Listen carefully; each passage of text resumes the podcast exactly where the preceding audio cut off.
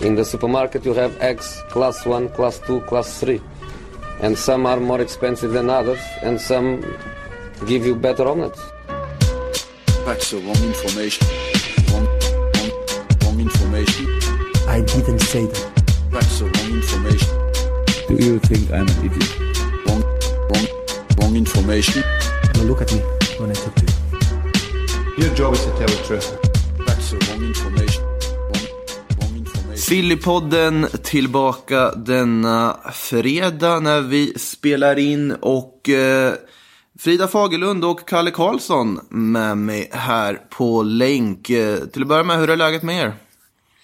Jo tack, det är bara fint. Ehm, tyckte att det var lite, lite skönt eh, att det kom lite större nyheter under gårdagen här. Så att fotbollsnerven väcktes till liv igen på allvar. Jag har varit lite orolig för att jag hamnat i någon sorts, någon sorts koma-stadie där jag inte riktigt har kunnat tagga till. Alltså så fort jag har tänkt på fotboll. Men nu, eh, nu satte det igång.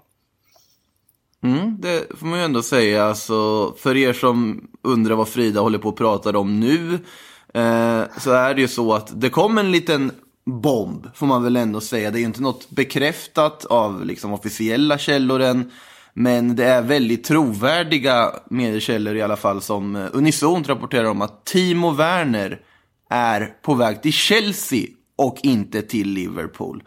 Eh, om man ska dra det lite fort då till att börja med så var det ju Sportbild man var först ute då med de här uppgifterna om att Chelsea skulle då ja, betala den här klausulen som finns på Timo Werner i Leipzig på 55 miljoner euro. En klausul som Liverpool velat förhandla ner men nog inte lyckats förhandla ner och därför nu ska ha dragit sig ur affären. Werner som hela tiden har varit öppen med att han vill till just Liverpool. Tveksam om han någonsin sett en spelare flörta så mycket med en klubb som Werner har gjort ändå under våren.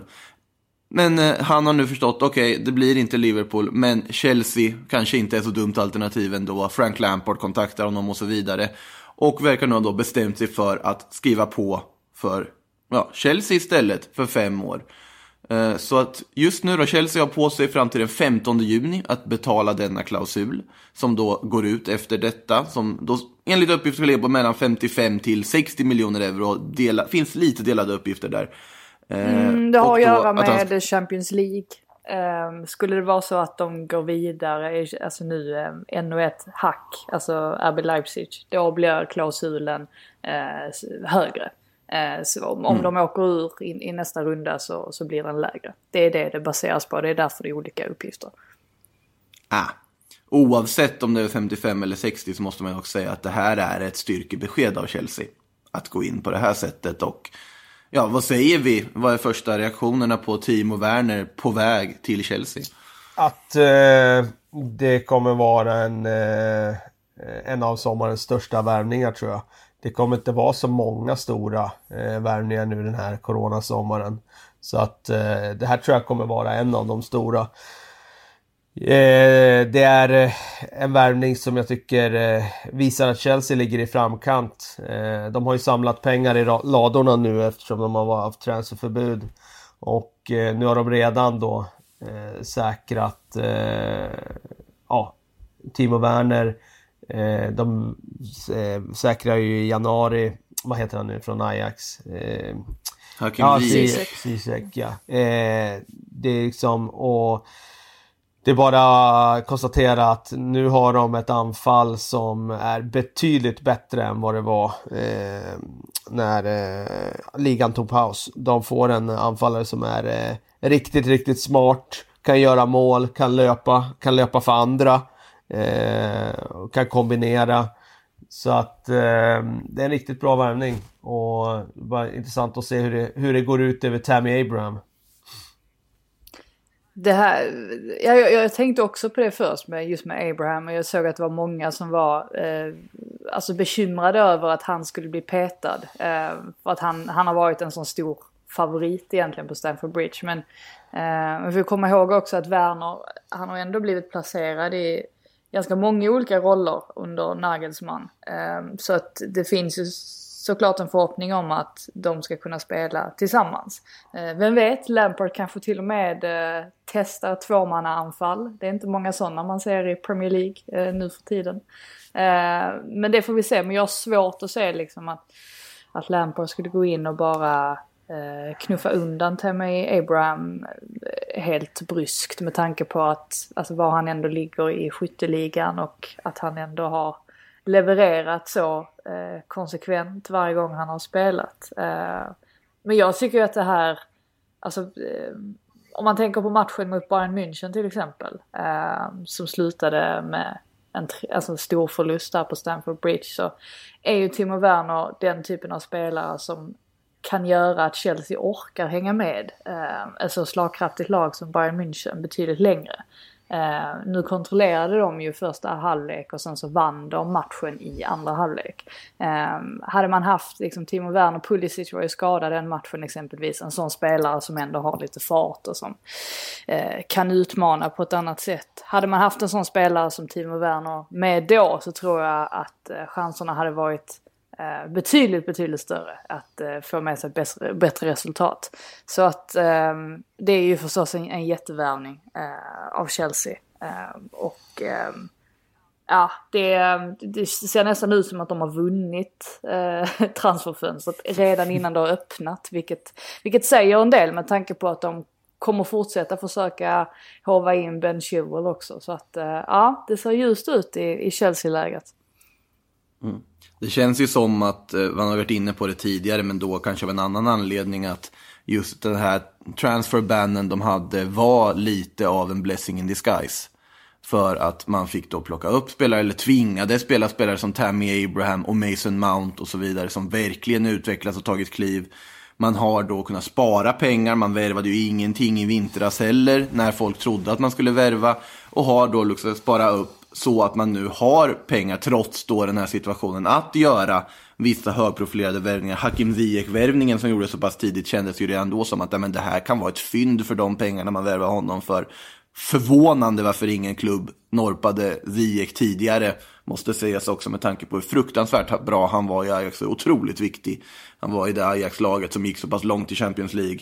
Och att ta Timo Werner före ett Liverpool som då har dragit sig ur på grund av liksom ekonomiska skäl när Liverpool ändå är laget som alla jagar. Det är ett otroligt imponerande arbete måste jag säga att få ihop det här och få in de här spelarna. Det man undrar är ju precis som ni var inne på med Tammy Abraham och så vidare också. Hur kommer man ställa upp? För det finns ju också formationsfråga i Chelsea. Är det 3-4-3 eller är det en 4-3-3 och så vidare? Hur kommer man vilja spela och vad kommer det innebära för vilka vad, tro, vad skulle vi säga är det bästa sättet för Chelsea att ställa upp idag offensivt? Ziyech och Werner är ju båda spelare som ska rakt in i en startelva.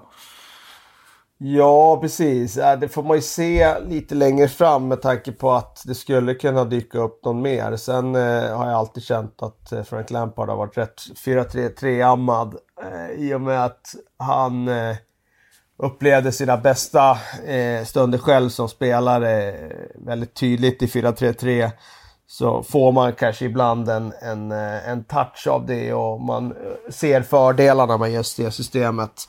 Så att jag har alltid känt att han har varit 4-3-3. Så att jag tror att det kommer vara utgångsformationen. Så får man se längre fram om det skulle visa sig att, att försvaret inte håller för det. Eh, men jag, jag, tror att det är där vi får utgå ifrån. Sen är det sådär, jag menar det är ju ett styrkebesked att eh, jag sa liksom det kan gå ut över Tammy Abraham. Det måste gå ut över spelare för att ska man vara uppe i toppen då måste man ju ha minst två eller, bra spelare på varje position och då kommer det ju vara bra spelare som sitter på bänken ibland. Så att det är inget problem utan det är snarare ett lyxproblem. Och eh, det är bara att inse att det måste vara så om man ska eh, slåss om titlar. Vill tillägga mm. också där att um, alltså det är klart att saker och ting har slumpat sig bra för Chelseas del. Alltså med tanke på att eh, Liverpool exempelvis alltså ville säkra Werner redan i januari men att han själv ville stanna kvar i Leipzig ett tag till vilket gjorde att utköpsklausulen uh, ökade vilket då gjorde att man tvingades dra sig ur. Alltså det är mycket som har, som har gått Chelseas väg men sen samtidigt så har ju Lampard alltså redan från början även om han så att säga blev tvingad att spela talangerna nu eh, eftersom att de inte kunde värva någon spelare i somras.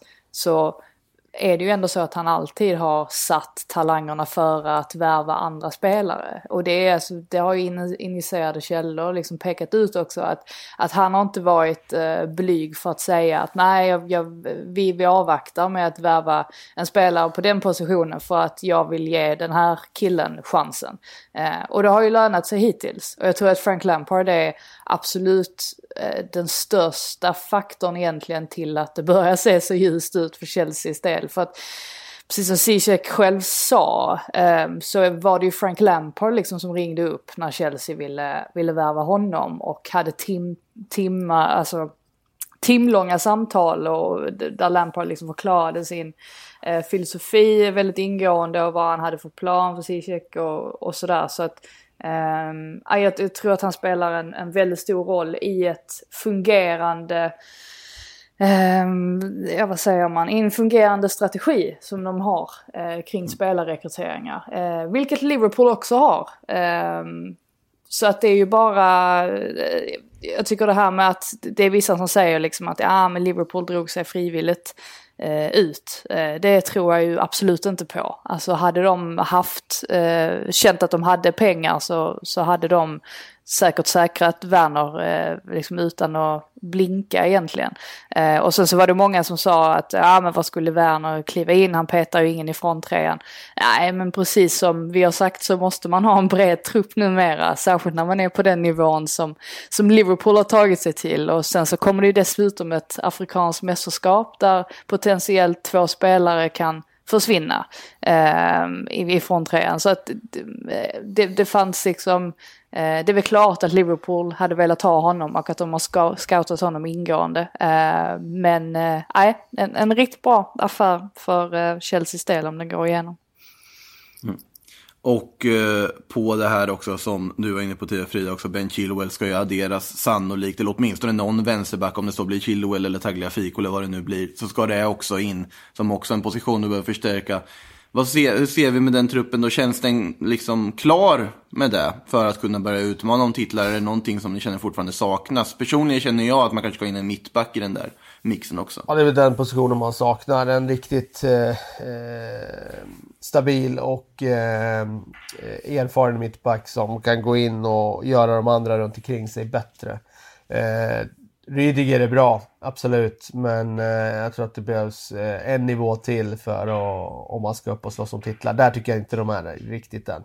Däremot så om alla de här unga spelarna fortsätter att ta ett litet, litet kliv framåt eh, så tror jag att de kommer att närma sig med stormsteg. Eh, för så stora är trots allt inte skillnaderna i liksom, de enskilda matcherna mot topplagen. Så att eh, jag tror att eh, det kan bli riktigt, riktigt intressant för Chelsea. Eh, och det var ju det vi sa redan i höstas när de såg så intressanta ut. Så sa vi ju att eh, det här kommer att, att, bli riktigt bra inom ett par år. Och nu har det gått ett år. Och eh, man kan nog förvänta sig att de kommer vara bättre än vad de var i fjol. Ja men precis, jag tycker egentligen att det är det som de saknar allra mest. För om man tänker på mittbacksuppsättningen, visst det finns ingen mittback av den liksom van Dijk-digniteten. Eh, men det finns å andra sidan Tomori som fortsätter att, att utvecklas. Eh, och sådär så att det handlar ju egentligen om att, precis som du säger, att de ska få mer speltid ihop och att de här unga spelarna ska bli lite äldre. Alltså sen har vi, vi bara tänker på liksom mittfältet där med Alltså det är Kovacic och Jorginho men att Billy Gilmore är liksom på väg fram och um, det, det, finns så, det finns så mycket att ta av. Så att jag undrar verkligen var vi, var vi står om två, tre år. Alltså hur det, hur det kommer att se ut då. Det kommer att bli oerhört spännande att se. Ska ju tilläggas här att det är ju inte officiellt klart än Werner. Det kan ju fortfarande ske någonting som gör att det här inte går igenom. Det ska vara i princip klart, skriver alla.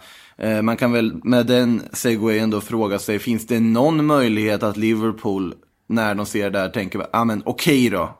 Vi drar väl de här pengarna som krävs för att få över Werner och att det blir en sån sista minuten-vändning det finns ju ingenting som pekar på det. Och om man liksom titt, kikar på James Pearce till exempel som eh, har väldigt god insyn i Liverpool så har de dragit sig ur. Eh, och skriver han det så brukar det, det brukar stämma. Så att eh, nej, det finns ingenting som pekar på det eh, egentligen. Det är inte så de har jobbat heller eh, de senaste åren. De har jobbat väldigt strukturerat. De har ju inte varit den klubben som tittar på vad andra gör och tänker oj nu måste vi ha- handla i impuls här för nu verkar det vara en annan klubb här som, som gör något. Utan Liverpool har ju snarare legat ett steg före alla klubbar och ja, jag tror inte att de gör något impulsbeslut här.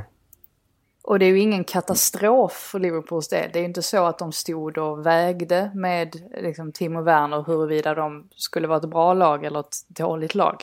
Eh, det är ju mest att man behöver en backup. Eh, möjligtvis då att Origi och eh, Shakiri då också så, eh, kanske inte är de, den typen av spelare som eh, Ehm, ja, men som kan gå in och liksom täcka upp fullt ut för en eh, av spelarna i, fronttrean. Ehm, men å andra sidan så har man ju unga spelare som, som tar kliv. Ehm, man har ju Minamino dessutom som eh, förhoppningsvis för deras del har ytterligare en nivå i sig, kan acklimatisera sig lite bättre så att eh, nej, det är ju absolut ingen, ingen fara på taket för deras del och dessutom så har de ju de har ju liksom förlängt alla kontrakt som behövs förlängas minus vinaldum. Där håller de väl fortfarande på. Eh, Men i övrigt så, så finns det ju ingenting, inga farhågor där heller så att ehm, det ser fortfarande bra ut för Liverpools del. Eh, Det är det jag vill komma fram till.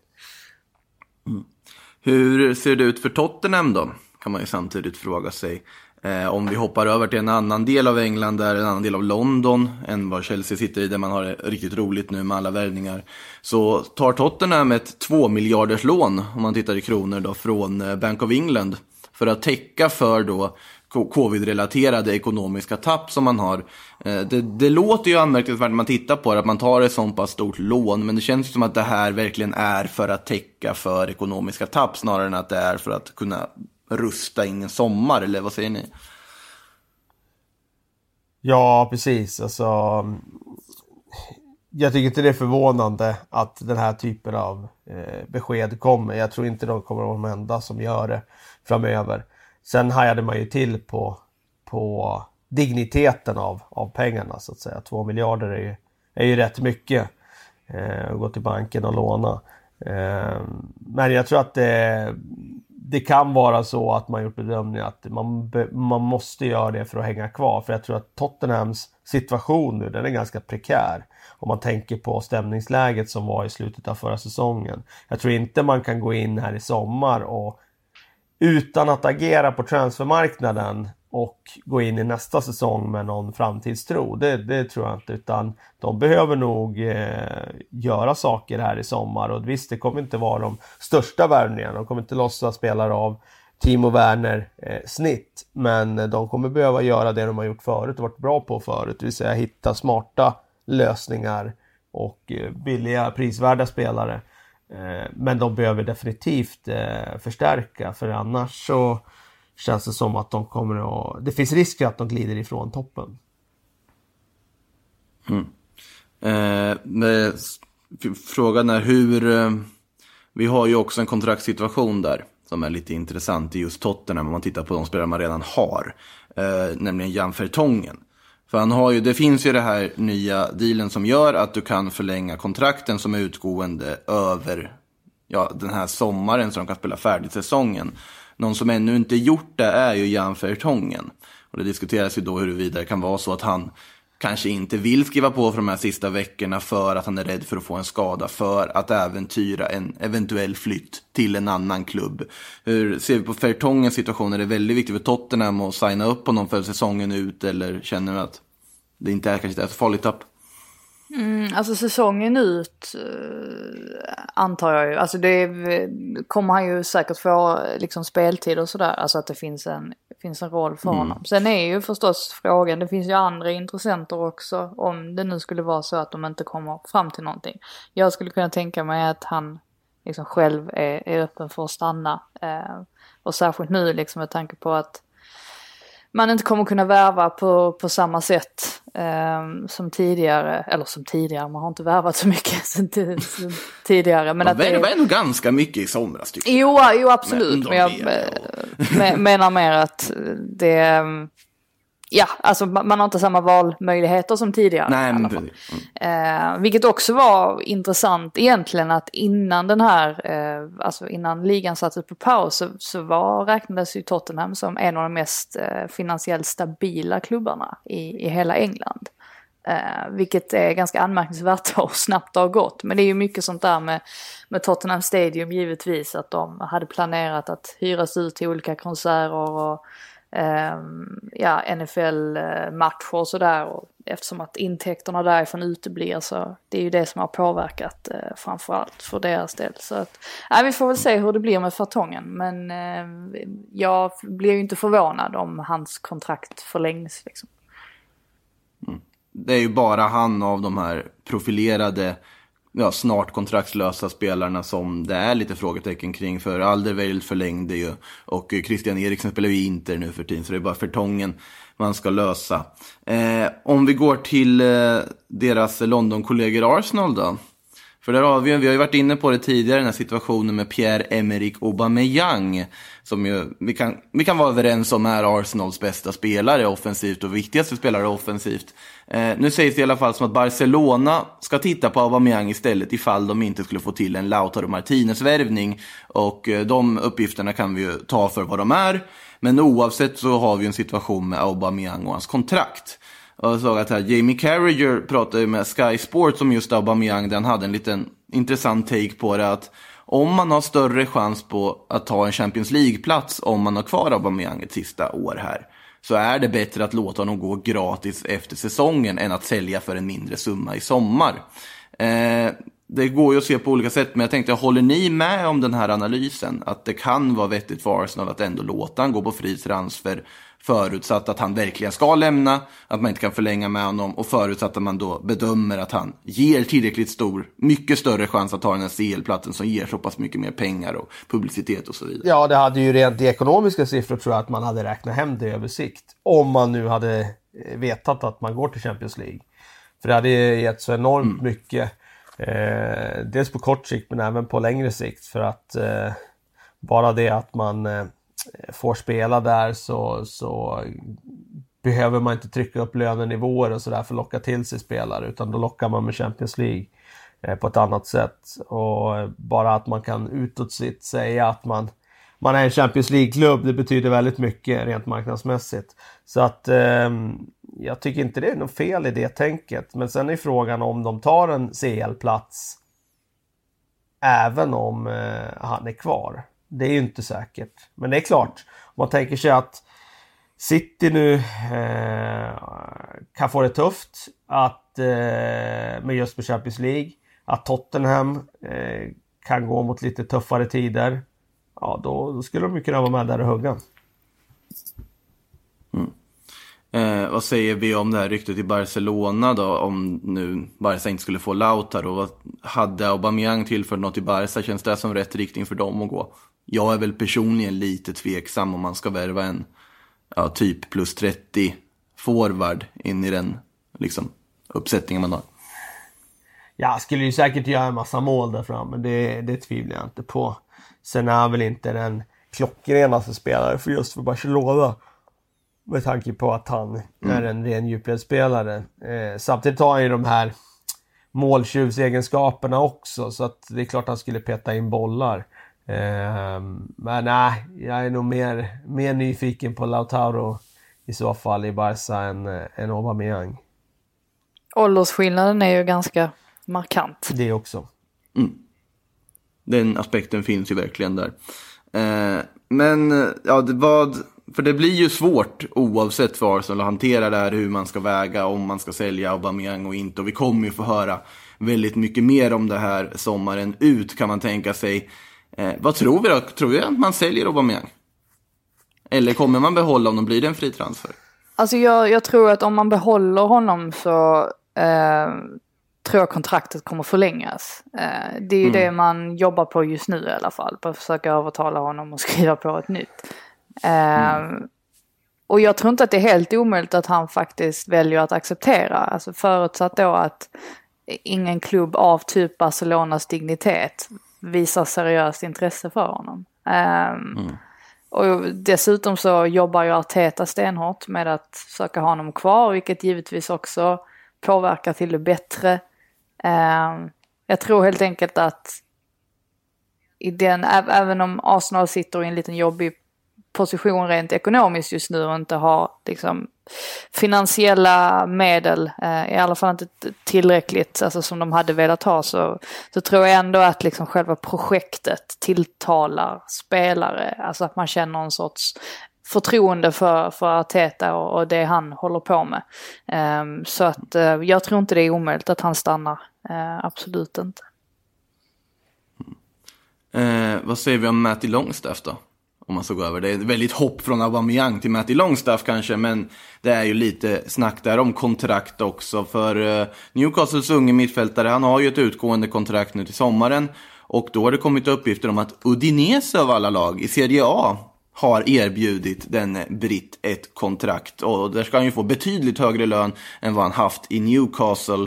Och Newcastle vill ju verkligen gärna behålla honom och då har höjt sitt bud lite för att Longstaff då inte ska ta pengarna och flytta till Italien. Det brukar ju vara lite ombytta roller där, att pengarna finns i England snarare än i Italien. Men Longstaff kanske till Udinese, vad, hur ser vi på den? Alltså det visar ju också på något sätt att de inte har, har hanterat den situationen speciellt bra. Alltså Maddie Longstaff är ju trots allt liksom one of their own. Alltså de, det är väl klart att de ska se till att han skriver på ett nytt kontrakt. Eh, om de är tillräckligt intresserade av det, vilket de uppenbarligen inte har varit nu då. Eh, också väldigt eh, ögonbrynshöjande att han bara har haft 850 eh, pund i veckan i Newcastle tidigare. Det är ju liksom i princip en veckopeng istället för veckolön. Eh, så jag, kan, jag har full förståelse för att han vill förhandla fram ett nytt kontrakt. Eh, och kommer alltså tjäna 30 gånger mer i Udinese om han går dit. Sen får man ju eh, ha i åtanke också att att, att gå till Udinese idag är ju i princip som att även skriva på för Watford. Alltså med tanke på att det är samma familj, Possos där, som eh, är involverade. Så att eh, det finns ju den far, farhågan också hos fansen att även om han en dag skulle återkomma till Premier League så, så kommer han väl kanske då förmodligen dyka upp i en Watford-tröja istället, vilket inte ens är... Eh, ah, nu är i och för sig, nu åker väl Watford ut, men om de går upp igen, ah, vi vet ju inte hur det blir i framtiden. Granada-tröja kanske? Ja, det hur som helst så eh, är ju inte supportrarna nöjda med det här. Och eh, man har ju full förståelse varför, trots att, eh, ja, att, att det, det blev lite, han, han slog ju igenom där liksom mot, mot Manchester United och sen så eh, blev det lite tystare kring honom. Men som sagt, det är fortfarande en av deras egna produkter som de borde liksom ha hanterat bättre. Jag förstod inte riktigt, men det skrevs ju där i England att, eh, att, eh, att eh, det, Watford måste betala mycket mer än, än Udinese. Är det bara den där premiumgrejen som alltid blir om man säljer till konkurrent? Eller vad? Han hade väl utgående kontrakt? Eller har han liksom... Ja, alltså jag har inte riktigt uppfattat, eller jag har faktiskt inte sett det. Aha, okej. Ehm, att det skulle ha någonting med det att göra. Nej, jag läste det bara i Daily eller Watford Observer skrev att, eh, att Udinese would only have to fork out a fraction of that price. Eh, men ja, det, det Ja, ja okej, men kan det inte vara så att de menar att, ehm, att de, Watford signar honom via Udinese för att de ska så gör de undvika att... eh, Ja, så gör de säkert. Precis. Ja, och sen så undvika att betala sådana här kompensation. De har en sån solidaritet, solidaritet kan inte prata. Solidaritets- Solidaritetskompensation när man eh, säljer, alltså när, när en spelare går till eh, en konkurrerande klubb i samma liga. Just det. Stämmer. Eh, det är nog det de pratar Det är om. klart, så, såklart det de pratar om. Och den var ju ganska låg i fallet att eh, man skulle gå till Udinese. För det finns ju en solidaritetsersättning där om du blir av med en spelare som är tillräckligt ung. På något sätt. Som då. Ja, men oavsett så är det ju lite betalt för Newcastle. De vill ju väl gärna behålla Longstaff. Men då får de väl visa att de gärna vill behålla Longstaff också med sedlar. Samtidigt var det väl, hur det blir samtidigt där. var det lite sådär Ja. att statusen för båda Longstaff-bröderna var ju dalande. Kanske framförallt för Sean. Eh, eh, Sean Longstaff var ju väldigt, väldigt het förra sommaren. Men hade ju väldigt tufft den här säsongen. Och om det skulle bli ett övertagande här av Newcastle så kan man ju tänka sig att de kommer satsa på rätt bra namnstarka centrala mittfältare som dansar in där. Say hello to a new era of mental health care. Cerebral is here to help you achieve your mental wellness goals with professional therapy and medication management support. 100% online. You'll experience the all new Cerebral Way, an innovative approach to mental wellness designed around you. You'll get a personalized treatment plan from a therapist, prescriber, or both in a safe and judgment free space. Your cerebral therapist or prescriber will outline a customized plan with clear milestones along the way so you can get to feeling your best. With Cerebral, you're not alone in your mental health journey. We're here to empower you to live a fulfilling life. So take that first step towards a brighter future and sign up today at cerebral.com slash podcast and use code ACAST to get 15% off your first month. Offer only valid on monthly plans. Other exclusions may apply. Offer ends July 31st, 2024. See site for details. När ska Djurgården ge sig in i det här då? Det måste de väl också göra? Ja, de avrunda liksom karriären där kanske. Som hockeyspelare möjligtvis. Exakt. Eh, kan jag rekommendera för övrigt den texten från Frida om ni hittar den i arkivet. Fantastiskt intressant koppling där med Djurgården Hockey. Eh, I alla fall, vidare till eh, någon som har betydligt bättre betalt än bröderna Longstaff, nämligen Gareth Bale. Eh, hans agent Jonathan Barnett har varit ute och svingat här igen och eh, det är samma gamla vanliga visa kan man väl säga. För det pratas ju om, ska Bale vara kvar i Real? Vad händer? Hur, hur går det med hans handikapp i golf? Men nu säger i alla fall Barnett att han vill inte till Premier League. I alla fall nu. För att han vill nog inte lämna Madrid utan är nog ganska glad med livet där. Och eh, ja, det känns det väl ändå som han är. Va? Han får sina minuter ibland. Han kan, ju inte, vidare. han, men... kan, han kan inte ens kommunicera med någon. Alltså hur kan man... Alltså det ska tilläggas där att de här uppgifterna om att han inte kan spanska känns som de har varit visst överdrivna. Men Jag samtidigt naturligt. Ja, de har varit visst överdrivna såklart. Han, han är inte helt alienerad i truppen och så vidare på det sättet. Sen är det ju helt uppenbart att han och sin, din Zidane kanske inte är världens bästa vänner och nu för tiden inte heller han och Bernabéu-publiken. Nu slipper han ju dock Bernabéu-publikens burop här eftersom att Real ska spela på B-lagets arena under resterande La Liga-säsong. I och med att man då ska renovera Santiago Bernabéu så kommer man istället spela på lilla Estadio Alfredo Di Stefano som tar 6 000 åskådare och ligger där ute i öknen norr borta mot flygplatsen. Eh, det ska bli intressant att se för övrigt hur Real hanterar det. Se Real i en sån pittoresk miljö istället. Men eh, vad säger vi med Bale? Hur, hur länge kan man vara nöjd då, om man är en sån spelare? För han kommer ju inte vara startalternativ för Zidane om man inte plötsligt börjar leverera från ingenstans. Det kommer ju bli de här minuterna från bänken här och då och kanske komma in när det roteras lite och så vidare. Kan man förstå honom ändå att han är nöjd med tillvaron och ändå inte vill flytta på sig? Nöjd med att gå runt och spela golf om dagarna? Ja, det kan jag förstå att han är nöjd med. Det skulle väl ganska många människor vara. Det har ju konstaterats här nu under permitteringens tider att en av vinnarna på det här har ju varit golfklubbarna. De har ju bara fått ett enormt uppsving. Så att det är uppenbart att det är väldigt många människor som gärna skulle ha den tillvaron. Jag tror tyvärr att sanningen är det. Att han är nog ganska nöjd med att sitta där och lyfta lön. Eh, och inte göra något större eh, liksom, någon större ansträngning av att gå vidare för att han har gjort sin resa och eh, jag tror tyvärr att det är så att han eh, jag kan säga tyvärr eftersom man vill ju alltid att det ska finnas en sportslig ambition. Samtidigt så, så eh, finns det ekonomiska incitament för honom att eh, bara vara kvar där och låta tiden gå. Det går ingen nöd på honom om man säger så.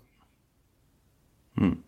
Känns också som att den här agenten, jag har inte sett att han har figurerat i andra sammanhang, ni får rätta mig om jag har fel här, med att Jonathan Barnett är ju inte den stora fisken i liksom agentvärlden. Och han har ju Bale och han verkar ju med en annan mer frispråk, frispråkig i Barnett i och för sig, men med en annan mer stjärnstatusagent så att säga så kanske det hade funnits vissa mer tryck på flytt och liksom fått med andra klubbar i olika former av deals och så vidare. Men känns inte, känns som att han bara sitter där och har det. Han verkar inte ta så illa upp av den här allmänna hetsen mot honom i alla fall. Nu när det kom träningsbilder från när de har börjat träna med laget igen så stod han ju där och gjorde en så här golfsvingspose där när alla andra gjorde så här halvhäftiga poser också för att ta bilder. Så att han, han vet ju om det där. Jag för mig att han är mindre, eh, fall. agent för Jordan Pickford också. Är det så? Ja, jag för mig det. Aha, intressant. Eh, om vi håller oss kvar vid Real Madrid så ska det vara så i alla fall att man intensifierar jakten på en Eduardo Camavinga. Den här 17, nu var det superröftet i Rennes på mittfältet där. Eh, RMC Sport skriver att det i alla fall ska närma sig och att Real verkligen då push, börjar pusha nu för att få över Kamavinga.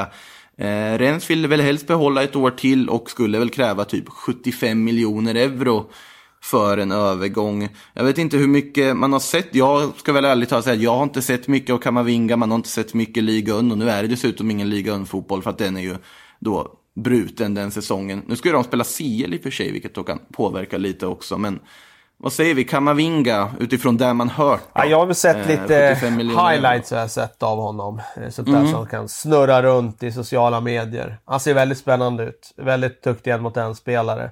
Eh, väldigt avig vänsterfotad spelare. En sån där som kan stå still och slå spelare en mot en bara genom att vicka en axel. Ehm, det är ju en sån där egenskap som man inte kan träna upp utan då har man ju liksom antingen har man det eh, med sina eh, med sitt sätt att röra sig eller så har man inte den förmågan. Eh, jag tycker att han, om man ser till ålder och så, så ser han ju super, super spännande ut. Sen krävs det alltid en viss mentalitet för att lyckas i de största klubbarna. Men det är inte förvånande att de allra största drakarna tittar på honom och är intresserade. Eh, säger vi om Raúl då? för han ska ju faktiskt vara aktuell som tränare för Schalke. Nu, för Schalke har ju börjat eh, Bundesliga-återstarten fullkomligt bedrövligt under David Wagner. De förlorar varje match som går att förlora i princip. Och då har det ju ställts väldigt stora frågetecken kring Wagners framtid. Och då har ju Raúl enligt Sport Bild dykt upp som en aktuell kandidat. Raúl som idag tränar Real Madrids B-lag. Och då på något sätt ja, förbereds för att förr eller senare ta över tränarrollen i Real Madrids A-lag. Det känns ju spontant som en väldigt bra lösning för alla parter. Kanske Schalke tar väl en liten risk sett till att Raul inte är prövad på den sammanhangen. Men för både Raul och Real Madrid känns ju det ypperligt att få över sin klubbikon som någon dag ska bli A-lagstränare till Tyskland och få liksom, riktig erfarenhet. Vad säger ni? Ja, och det viktigaste av allt, han känner klubben. Eh, det som vi Det alltid gör han ju faktiskt. Det gör han ju faktiskt. Otroligt populär i Schalke också där när han, fick, när han gick dit efter att han lämnade Real. Så vi får se om det kan bli Raúl i Alltså, Bundesliga. Det är kanske. intressant det där Ja. med just det där som du säger med han kan klubben och, och så vidare. Som, som alltid blir någon slags sådär eh, ja, grej vi slänger oss med för att, eller vi ska jag inte säga, men alla slänger, framförallt i England tycker jag. He knows the club. Liksom, det är det absolut viktigaste som, som finns. Liksom. Där kan man ligan också. Men det, Det är finns viktigt. ju, det finns ju en liten aspekt i just det där om man- med, med Raúl. Om man tar en sån Raúl då till Schalke, om det skulle bli verklighet, att han har spelat där, han är väldigt populär. Det som ge, gör skillnad, det är att han då får lite mer tid innan fansen börjar gny om det skulle gå emot. Och det är ju väldigt viktigt att få den arbetsron. Hade han inte, han varit helt okänd där i Schalke och det hade börjat gått emot, då hade det kanske fansen börjat gnissla efter, låt säga, ja men säg 10 matcher in då. Medan han nu när han är så populär som han är, då kanske det kan vara hela säsongen innan det liksom börjar om det skulle gå emot då, då kanske det är så ja det faktiskt är tränarens fel. Innan det kommer de peka på alla möjliga andra orsaker om den som leder är populär. Så det finns ju faktiskt en aspekt i det där eh, som gör skillnad. Sen blir det ju lite för mycket eh, liksom fokus på att, att kunna en klubb. Alltså, eh, det, är inte, det är inte det som är det allra viktigaste. Nej, det var ju liksom åtta år sedan också. Han var, alltså det, det har ju gått ganska, ganska lång tid sedan han var där. Men han gjorde ju ändå runt 100 matcher. Så att det var ju... ja, Han fick det- ett vackrare avsked där än vad han fick i Real Madrid. Han fick ju ett mer ordnat avsked på arenan än vad han fick i Real. Ja. Vilket säger en hel del. Både om hans Schalke-gärning men också om hur svagt Real Sen i och för sig, en, en Eh. liten grej i det, det är ju att kunna liga. Det är ju faktiskt eh, en ganska viktig aspekt. För att eh, eh, har, man, har man den där direkta insyn i en liga, vad som funkar i den ligan. Den får man ju om man väl är där och spelar eller om man är där och står på sidlinjen och jobbar med ett lag. Man kan inte få det genom att titta på TV. Det är ganska uppenbart när Pep Guardiola kommer till England och efter första säsongen säger att jag missbedömde hur viktigt andra bollspelet var i engelsk fotboll. Det är inte så att han inte hade sett någon Premier League på TV innan det. Han har ju såklart sett massor. Men han gjorde en missbedömning av att han inte kunde ligan tillräckligt no, liksom, så, så väl som han hade behövt kunna. Så det finns ju en liten aspekt i det. Jag säger inte att det är allt, men det, det finns i alla fall lite fragment av att man har en fördel av att ha spelat där. Mm. När du ändå är inne på Guardiola så kan vi ju ta upp det här. För City och Guardiola, det är ju lite tveksamt där hur man kommer kunna agera. Det sägs ju till och med att det här CAS-beslutet om huruvida det blir Champions League-avstängning eller inte, det kommer dröja till augusti sannolikt. Vilket gör att det är en väldigt oviss sommar för Manchester City, inte bara ekonomiskt, men också i liksom, attraktionskraft. Eh, Ismail Benazer i Milan ska i alla fall ha intresserat Guardiola. Eh, 22-åringen då, som kom från Empoli faktiskt i somras, ska sitta på en utköpsklausul på 45 miljoner pund sägs det och har imponerat här under sitt första år i eh, Rossoneri. Vad säger vi om Ismael Benazer, en ung, duktig, spelskicklig innermittfältare? Är det vad eh, City skulle behöva addera till sitt stall? Ja, men det skulle ju kunna vara, de börjar bli lite till åren där inne centralt. Så det är klart att de skulle kunna... Man skulle kunna se att de behöver uppgradera här kommande åren.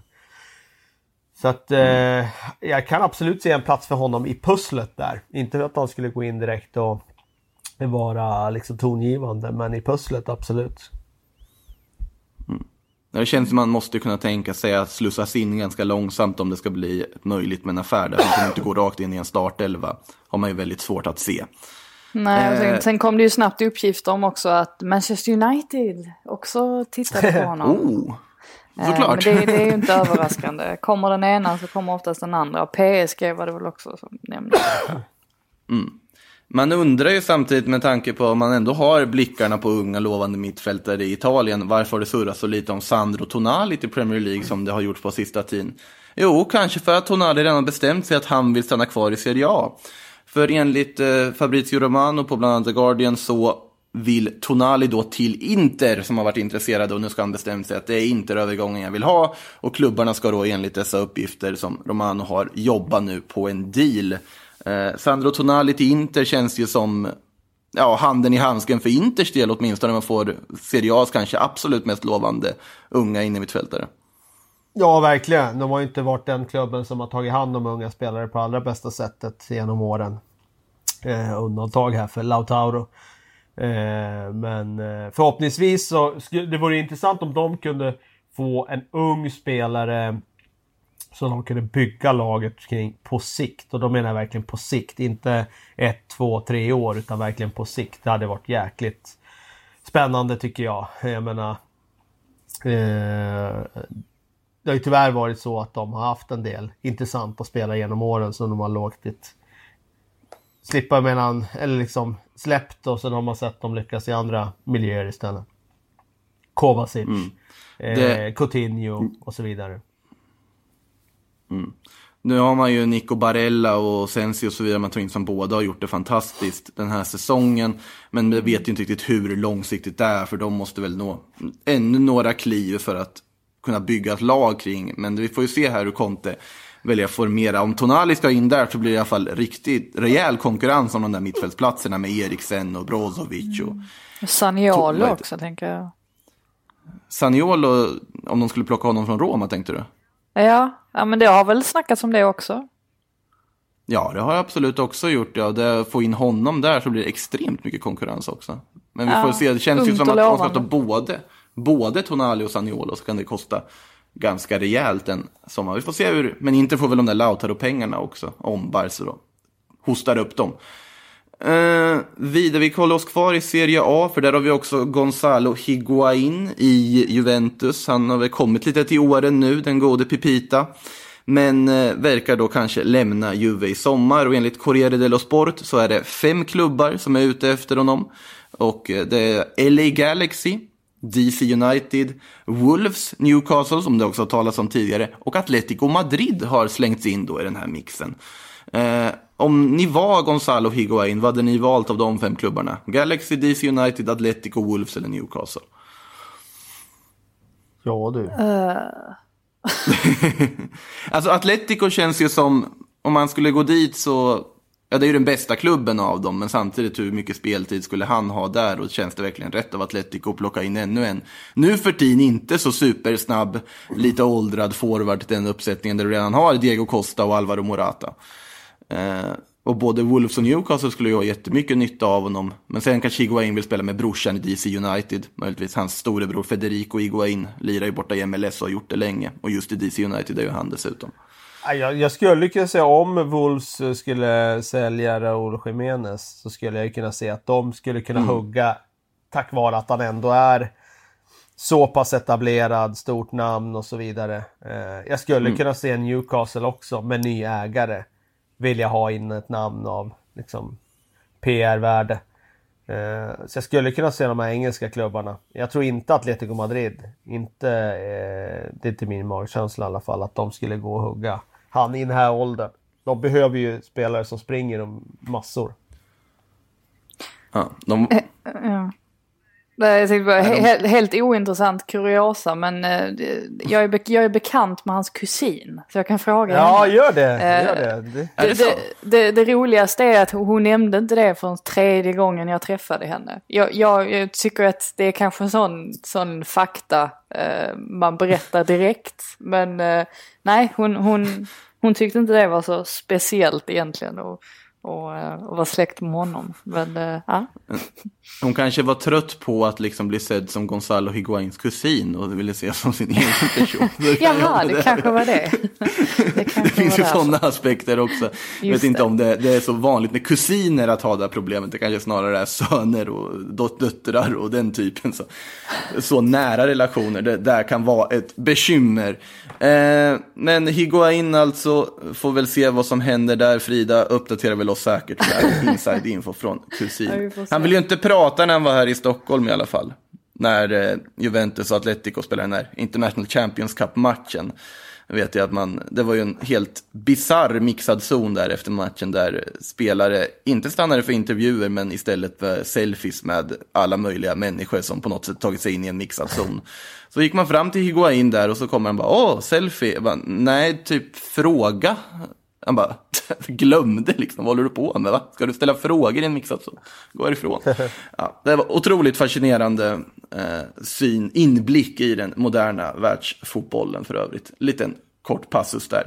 Eh, ska vi ta lite frågor eller har vi något att säga annars om det sista som ligger kvar och skvalpar här i mitt lilla körschema? Eh, vi, kan, vi kan väl ta en kort kommentar om det också i och för sig. Att enligt Daily Mail i alla fall ska Leicester ha, var redo nu på att öppna förhandlingar igen för att säkra James Madison och eh, Kashlar Soyuncu på längre avtal. Eh, fast båda har ju redan avtal till 2023 så det är ju ingen superstress. Men det känns väl tveksamt om två så pass tongivande spelare skulle vilja skriva på ännu längre avtal med Leicester idag. Det kan eller? ju vara bara att de eh, förlänger med typ eh, något år med att de lägger in klausuler. Eh, Mm. Med liksom fastställda summor som de får gå för och höjer lönen rejält. Det skulle kunna vara. Men eh, vi får väl se när det blir lite mer kött på benen i de där uppgifterna. Sen har ju alltså ryktena kring just typ Madison har ju svanat, svanat ganska rejält ändå, eh, får man säga, de senaste månaderna. Eh, det verkar ju som att United inte har eh, no några ambitioner kring att värva honom Ja, inte nu när Bruno gjorde sån succé också. Det är ju lite men samma precis. egenskaper liksom. Ja. Mm. Eh, vidare då till frågorna. Jag har ganska många frågor här för att vara en eh, tidig fredagsmorgon. Ni är morgonpigga allihopa här, våra lyssnare också. Eh, Filip Schützels fråga kan vi börja med. Han frågar, utöver Sané och möjligen Kai Havertz, vem ser ni kommer förstärka Bayern i mittlåset? De har ju uttalat sagt sig vilja köpa en mittback eller central mittfältare. Tack för en grym podd. Tack själv för att du lyssnar Filip. Uh, ja, jag säger Dayo Upamecano på den frågan. Det ska ju väl in någon form av mittback. Sen är ju frågan om man har pengar att förhandla fram honom med Leipzig den här sommaren eller om man på något sätt väntar ut och försöker ta honom gratis. Jag var inte med där från början, men vilken klubb snackar vi om? Ja, Bayern, Bayern München, München. ja. Ja, Kanske okej. ska tilläggas också. Ja, alltså jag har ju varit... Eh, jag har ju haft känslan att... Eh, att eh, det är engelska klubbar som är jätteintresserade av Upamecano. Och att han eh, kommer hamna där. Eh, det har inte varit så mycket snack om den senaste månaden, månaderna. Men det var ju superhett i vintras. Och när jag ser honom så tycker jag att han, jag ser en spelare som har det mesta. Och som skulle kunna gå in och prestera på den högsta nivån. Ja, då menar jag liksom i en stor klubb och, och ta plats där. Så att jag är förvånad om, om han ehm, eh, inte eh, blir föremål för ett budkrig i sommar. Eh, det är klart att det skulle kunna vara Bayern som går och värvar i den egna ligan, men eh, jag hade gärna sett honom i Premier League. Det är så många klubbar där som jag tycker hade haft nytta av honom. Men om vi Det- skeppar upp en... Ja. Jag blev lite konfunderad bara för att jag tyckte jag såg något rykte häromdagen om att eh, alltså Bayern München erbjöd City Lucas Hernandez eh, mot då Leroy Sané och, och lite pengar emellan. Ehm, Det låter ju jättekonstigt. Ja, och det var ändå Manchester Evening News som skrev detta. Så att eh, det var liksom inte vem som helst. Så att, eh, nej, men, men mina tankar stannar där för jag har liksom inte tänkt vidare på det. Uh, men nu när man, uh, när man tänker på det så, så låter det ju lite märkligt. Mm. Eh, ska se vidare här.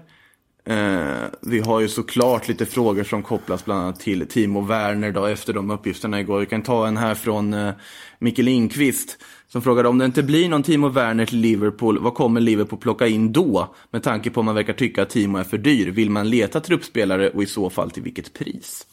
Jag tror inte att man tar in eh, någon alls faktiskt. Alltså ingen, ingen högprofilerad värvning eh, så tillvida. Eh, man hade ju vissa tankar om att man skulle sälja eh, nej men, eh, G- Grujic till exempel för att få in, eh, få in mer pengar eh, och bereda plats på så vis. Men med tanke på hur marknaden ser ut nu så, eh, och samma med Shakiri också, att man möjligtvis skulle kunna sälja honom och få en ganska hög summa trots att han har haft sina skadeproblem och sådär. Men markna- i och med marknaden har förändrats som den har gjort så eh, skulle det inte förvåna mig om man väljer att avvakta istället. Ehm, och således så kommer det innebära att man inte gör några större värvningar. Sen precis som vi har varit inne på också så, så gör de ju inte värvning. De värvar ju inte spelare hur som helst heller. Så att eh, jag förutsätter att de kommer lägga upp en ganska tydlig plan för hur det blir.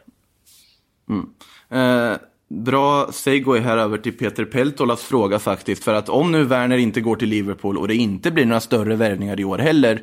Riskerar laget att på sikt tappa gnistan i stil med Spurs och Dortmund under Klopp? Samt är det bara värvningsstrategin eller försöker ägarna mjölka pengar medan järnet är varmt? Alltså det känns ju som att de är så pass välskötta att om man förlorar Werner som vi var inne på så är det ju ingen superkris på det här sättet. Och det har nog inte med Werner eller de här värvningarna i sommar riktigt att göra huruvida man tappar eller inte. Utan det har väl med spelarkvaliteten på de stjärnor man har idag skulle jag säga. Eller? Ja, precis. Alltså, jag tycker att de sitter ju väldigt högt upp i hierarkin idag. Så att jag, jag, jag kan inte se att de skulle drabbas av någon panik av det här. Utan eh, de står och lyfter en buckla väldigt snart. Det kommer ge svallvågor. Alla kommer vilja spela där. Eh, både sett till hur de spelar, eh, nivån de spelar på och vilken tränare de har. Så kommer de ha en enorm dragningskraft. Så det känns som att trots att de inte har de högsta lönerna eh, så har de en enorm dragningskraft idag. Och det, visst, de går miste om Werner, ja. Men eh, det kommer finnas andra spelare här som de kan hugga på. Det skulle ju vara dock om, om de drabbas av liksom ödesdigra skador. Eh, och om man liksom inkluderar det afrikanska mästerskapen i det. Ehm, för som sagt, alltså de backups som, som finns i fronttrean just nu är ju inte de mest spektakulära och detsamma liksom blir eh, Robertson skadad. Um, den enda man har då egentligen är ju James Milner som liksom kan gå in uh, och, och täcka upp så att det finns ju uh, fortfarande alltså möjlighet att det, någonting sånt skulle kunna hända. Uh, men i övrigt så mm. håller jag såklart med att de, de sitter i en jättebra position. Yeah. Ska vi avsluta med lite frågor om eh, Victor Nilsson Lindelöf då? Eh, för det är flera som undrar. Anton eh, Drake eller Anton Drake beroende på vart du är ifrån eller hur man uttalar det. Eh, frågar vad händer med Lindelöf om Koulibaly eller någon annan mittback av klass ansluter till United? Lämnar han eller nöjer han sig med att vara tredje val? Och där kopplas ju även samman eh, Marcus Norbergs till fråga om hur man som tränare hanterar relationen med en spelare som blir så uppenbart ersatt. För Lindelöf kan ju inte tycka att det är superkul att det pratas så tydligt om en ersättare till honom. Eh, det är två olika frågor här. Eh, om vi börjar med eh, Lindelöf då, nöjer han sig med att vara tredje val? ett år max, men sen tror jag att han och eh, hans agent i så fall skulle börja titta på en annan miljö för honom. Han är ju lite för ung för att bara sitta bredvid och titta på medan Koulibaly och Maguire spelar. I så fall skulle han kunna spela en viktig roll i en, i en annan stor klubb. Eh, så det, i så fall, skulle det bli så så tror jag att max ett år och sen skulle han i så fall eh, gå vidare. Kanske bara ett halvår. Om han skulle fastna på bänken. Hur eh, hanterar man det som tränare om man har en sån spelare i truppen då som om vi går in på den andra frågan härifrån. Nej, men alltså, det, det, är du i en stor klubb då får du ju förvänta dig att det kommer vara hård konkurrens. Det är ju inget unikt utan mm. han kom ju in på samma sätt och petade någon annan. Eh, jag menar Phil Jones och Chris Malling tyckte kanske inte det var jättekul när de värvade honom. Så att det är ju så det fungerar och alla spelare på den nivån är ju medvetna om att det, det kommer vara konkurrens eh, hela tiden på hela resan. Och de är så vana vid det så att just det eh, är inget jätteproblem sådär. Mm. Med det sagt då så kanske det var det som vi hann med idag. Eh, Frida, Kalle, stort tack för ni tog er tid och ha en fortsatt trevlig fredag och dessutom en helg på det också. Eh, så hörs vi allihopa av nästa vecka igen. Ha det gott till dess. Hej då.